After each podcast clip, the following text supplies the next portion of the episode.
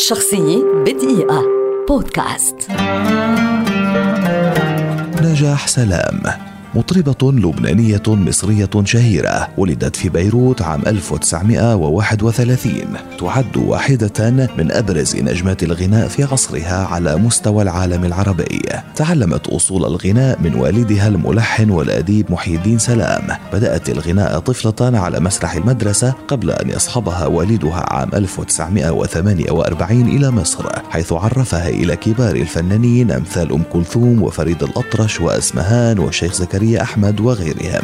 وفي عام 1949 سجلت أولى أغنياتها بعنوان حول يا غنام ثم يا جارح قلبي لتنطلق في مسيرة فنية ناجحة لسنوات قدمت خلالها أعمالا غنائية شهيرة نذكر منها على مسرحك يا دنيا الشاب الأسمر ميل يا غزيل وبرهوم حكيمي. دخلت عالم السينما عام 1950 بفيلم على كيفك وتوالت أعمالها السينمائية بعد ذلك ومنها نذكر ابن ذوات الدنيا لما تضحك الكوميساريات الفاتنات سر الهاربة السعد وعد والشيطان.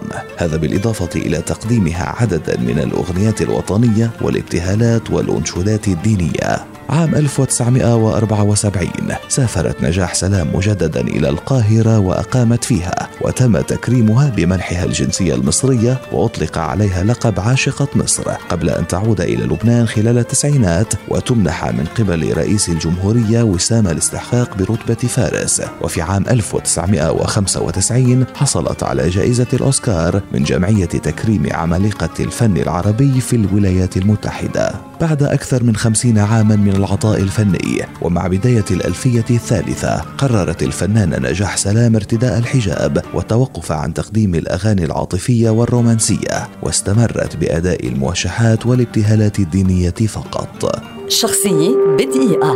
بودكاست.